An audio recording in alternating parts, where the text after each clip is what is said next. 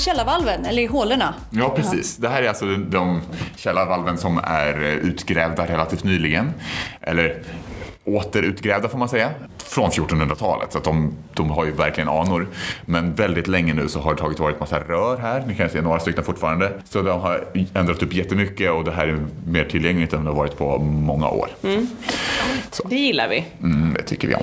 Ja, vi tänkte prata om Lasse-Maja. Ja. Ja. En av de kanske mer berömda fångarna. Ja. här på slottet. För det är ändå en borg, så det har ju suttit folk här. Ja. Ja, precis. Om man ska köra en jättesnabb fängelsehistoria-grej. Slottet har ju funnits i flera former och skepnader och det har ju varit allt från det här som försvarstornet. Och den skepnaden så ska det funnits typ bara ett hål. Alltså, tänk typ en papperskorg, man lyfte på locket, kastade ner folk, de kanske bröt någonting, det var lugnt, man la på locket. Alltså så. Eh, inte jättehumant. Nej. Sen så utvecklades det vidare till det snäppet mer humana. Skepnaden där man tog och kastade ner folk i, inte riktigt kastade på samma sätt, men liksom drog ner dem, var trappor ner. Man kunde tekniskt sett bli upplockad, men det var oftast inte så vanligt. För att När man, det blev fullt behövde man komma ner och hämta. Typ så. Eh, det var mer här att, eller när det blev fullt så kom man ner och plockade upp de som var döda. Ja. För att oftast så dog man efter ungefär en vecka där nere. För att det var hemsk mat och man fick vatten från Svartån precis utanför. Vilket innebär att det var ju hela stadens samlade bakteriefloda. För det var ju, var ju avlopp. Så man dog jättesnabbt. Sen så ändrades det också i slutet av 1500-talet när man byggde om Örebrohus till Örebro slott. Så då var jag kanske en av de bättre sakerna som hertig Karl gjorde eh, var att han revolutionerade eh, fängelsehålesystemet med att ha och göra ett fängelse för män och ett för kvinnor. Så innan dess blandat. Och då blev det förmodligen också snäppet bättre omständigheter. Och sen så har det väl blivit bättre och bättre och bättre pö om pö eh, fram till 1800-talet. Eh, Så det är ju fängelse väldigt länge. Ja, lång del av, alltså vi har haft mer tid och mer historia av att Örebro slott har varit fängelsehåla, eller fängelse, än att det inte har varit det. Och i sluttampen då så har ju Lasse-Maja suttit här. Så han levde i slutet av 1700-talet och början av 1800-talet. Och Så han är ganska samtida med Karl Johan, Japp. eller Jean Baptiste som vi pratade om tidigare. Precis. Ja, det måste varit en väldigt spännande tid att leva i. Alltså på något vis. Ja, så Lasse-Maja han hette från början Lars Larsson. Bytte sedan namn till Lars Molin. Och öknamnet Lasse-Maja kommer ju från att han har tagit och varit klädd väldigt ofta i kvinnokläder. För att, ibland för att ha och, och stjäla saker, för att han var ju tjuv. Eh, men också ibland för att ha kanske komma åt situationer, komma undan situationer. Så. För att han behandlades, han märkte tydligt att man blev behandlad väldigt olika som kvinna och som man. Och han använde det till sin fördel för att han kunde Han det. båda. Ja, verkligen. Så skådespelare kanske man skulle säga också, inte bara tjuv. Vet vi varför han valde Maja, eller var det andra som gav det åt honom? Jag tror att det har varit lite andra som har gett det åt honom, men Maja var alltså en riktig person som fanns. Efter omständigheter som man Ja. kan ta och läsa om i hans ehm, bok faktiskt, som han lyckades få till även om han inte kunde skriva.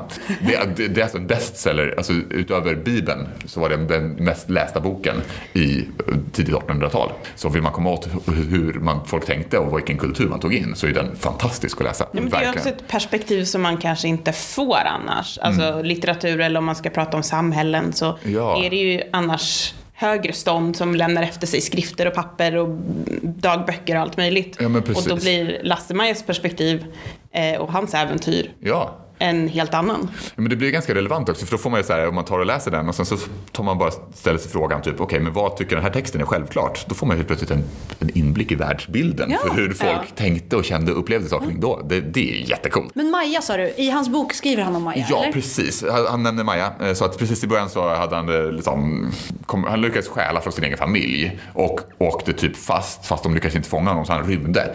Och eh, sen så var han ute och strövade i skogen och sen så snubblade han över ett torp. Eh, och då var det Maja och hennes mamma som tog in honom. Och sen så blev de goda vänner och tog hand om varandra och han hade lite pengar kvar från de som han hade stulit och gav lite till dem också. Och Maja var i princip i hans ålder också. Han ska vid något tillfälle ha tagit och provat på hennes kläder och det var så som han insåg att "Huh, det här funkar ju bra. Mm.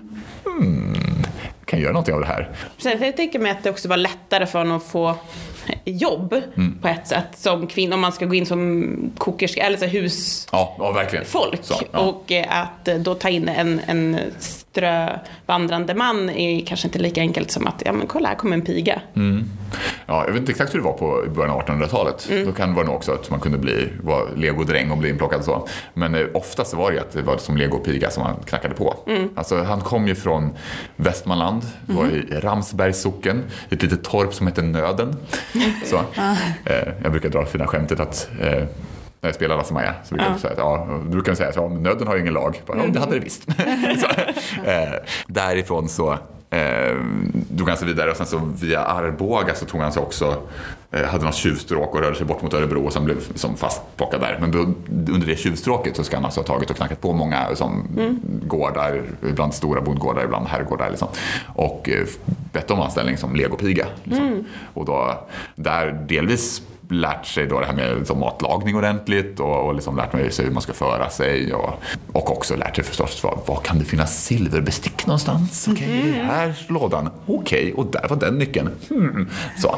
Eh, och sen så kunde man ta stjäla de värdefulla sakerna och springa iväg i natten. Ja, men det är bara så fascinerande människoöde hur, Ja. han, hur, han, hur, hur? han, hur han ser bortom liksom, tidens konventioner utan bara ser liksom, möjligheterna med allting.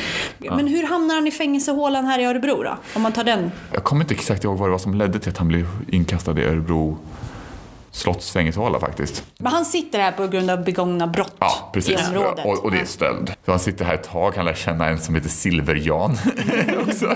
Som lär honom om tjuvkod och bara så här, okej, men man ska bara stjäla från de som, som har förstås. Så- Lite Robin Hood. eh, Väldigt Robin Hood.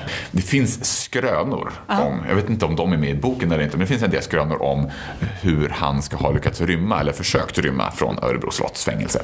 Eh, han satt ju borta i det sydvästra tornet nu, så det är tornet under turistbyrån. Alltså, hade han varit typ här där vi är nu, eh, vilket han ju verkligen inte var, Nej, nej. eh, då hade kanske en av storyna kunnat vara sann. Men jag är nu väldigt skeptisk. Så, eh, det som hände var i alla fall att han ska ha alltså tagit och, och lyckats smuggla med sig en silversked vid något tillfälle Ja. eh, och bara använt den liksom, och gömt den när folk har varit där i närheten och sen när folk inte sett så ska jag höll på, på att gröpa en gång. Liksom, det här standard ja, prison break. klassiker. Ja, eller hur? Verkligen klassiker. Och han ska ha liksom grävt den här gången och hållit på med den jättelänge och till sist så ska han ha liksom tagit sig ut eh, och sen ska han ha knullat sig igenom där och funnit sig själv i landshövdingens skafferi. Ja, och det var inte det målet. Så. Nej, eh. Han, tanken var att han skulle komma ut, ut liksom. eh, men sen så började det så här, åh, men här var lite god mat. Eh, hmm, men här kan man ju laga någonting kul och så här var spis. Ja men då så, eh, låt oss bara. så, så att man ska alltså ha hittat honom där, lagat Ja. mat till sig själv.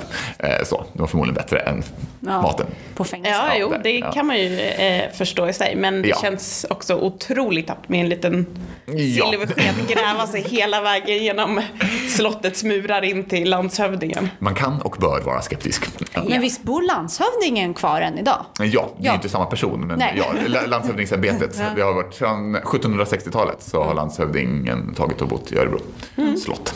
Som sagt, vid något tillfälle så lyckas han också rymma. Jag kommer inte ihåg hur. Eh, sen blir han fasttagen igen och då sitter han fram tills vi slutar ha fängelse här på slottet. När man sen slutar ha fängelse här på slottet så förs ju fångarna vidare bort till andra ställen. Och Lasse-Maja tar och då förs bort till eh, ska vi se, bortåt Göteborgshållet till eh, Karlstens fästning vid Marstrand. Där. De, effektivt så bygger ju fångarna också på den här borgen. De behöver jobba och slita där för att ha, alltså, förtjäna sin existens på något vis. Och eh, de behövde också alltså, tjäna ihop pengar för att ta och laga sin egen mat. Och där som jag, jag har nämnt lite matlagning. Ja, det är jättebra. Ja, för han, har ju, han var duktig på matlagning, Lasse Mm. Så, jätteduktig, så han blev köksmästare där borta och kock för sina medfångar. Och han drog också in väldigt mycket alltså, pengar till, de, alltså han typ försörjde sina medfångar. Oj, oj, oj. För att han blev en turistattraktion. Ja, det är klart han blev. Ja, En alltså- man i klänning. Ja, Som ja, får kan, man säga. Så, men så, som en man lite sådär som kan laga mat. ja, Som gärna står i köket, även om det finns kockar och ja. så redan då. Mm. Men det här är ju inte en utbildad fransk Nej, kock. nej, det är verkligen inte. Alltså, han hade plockat upp jättemycket under alltså, sina äventyr. Mm. Definitivt. Så att det fanns väldigt intresse. Liksom. Eh, Men, men han blev en turistattraktion innan det var ett begrepp egentligen. Så. Ja. Och eh, då kom det då folk långväga som åkte då till den här fästningen för att ha lyssnat på de här galna upptågen med de Mm. här fantastiska äventyren. Och Sen så gick det väl ännu lite mer tid och sen så fick vi en ny kung, kung i Sverige, ny tronföljare. Så, och eh, så gick det väl lite mer tid och sen så kom då eh, Bernadotte, Jean-Baptiste Bernadotte på besök bort till Marstrand och till Karlsten också. Personalen, ska, den ordinarie personalen ska ha sagt att ja, men, eh, vi kan ta och bjuda ers majestät på en, en, en, en fransk supé. Det är lugnt, vi har en av fångarna som är jätteduktig på det. så, eh, förstås syftandes på Lasse-Maja. Så Lasse-Maja tog och bara fick helt enkelt fria tyglar och laga mat och bara let's do this. gick in eh, all in där och eh, Bernadotte ska alltså ha blivit nöjd med det han åt. Vilket vi kanske pratade om Ja. lite tidigare. Han var ju inte jätteförtjust i den svenska maten. Nej. Så att han blev så pass nöjd att han bara den här mannen Ja. som har gjort den här maten är en konstnär. Han ska inte vara inlåst. Han blir benådad nu. så, så Lasseman slutade sina dagar som en fri man. Eh, fick ett eget litet torp i samband Ja. med detta. Var lite historieberättare där kanske på slutet. Och tror inte han stal så mycket mer saker. Nej. Eh, dock. Eh, Men visst satt han satt många år på den där festen, Ja. typ ö, nästan 30 år, 26, 26 år eller något Ja, men där det- På västkusten bara. Ja, mm. Så att han hade ju verkligen Tjänat sitt straff. Det kan man ju lätt säga. Lägger man på alla månader, dagar, år, kanske här i Örebro, på andra ställen blir det ju rätt mycket tid Ja, i väldigt, fängelse. väldigt mycket tid i fängelse, så får man ju säga. Så att det, ja, men eh, alltså, han dog väl bara typ 56 år gammal tror jag det var. Ja. Så han var inte... Tråkigt för fångarna som fick sämre mat när han blev Ja, får, benådad. får man ju säga. Så, så effektivt. Det var en försämring som Bernadotte genomförde. så för en viss specifik Fång- grupp. Fångvården bara, nej. Ja, precis. Ja, men eh, allmän skolgång kanske väger upp. Ja, ja, Eller skolplikt absolut. heter det kanske. Ja, ja men absolut. Mm. Ja. Nej, men så Lasse-Maj är en spännande person med en väldigt tydlig Örebro-anknytning. Ja. Ja, verkligen.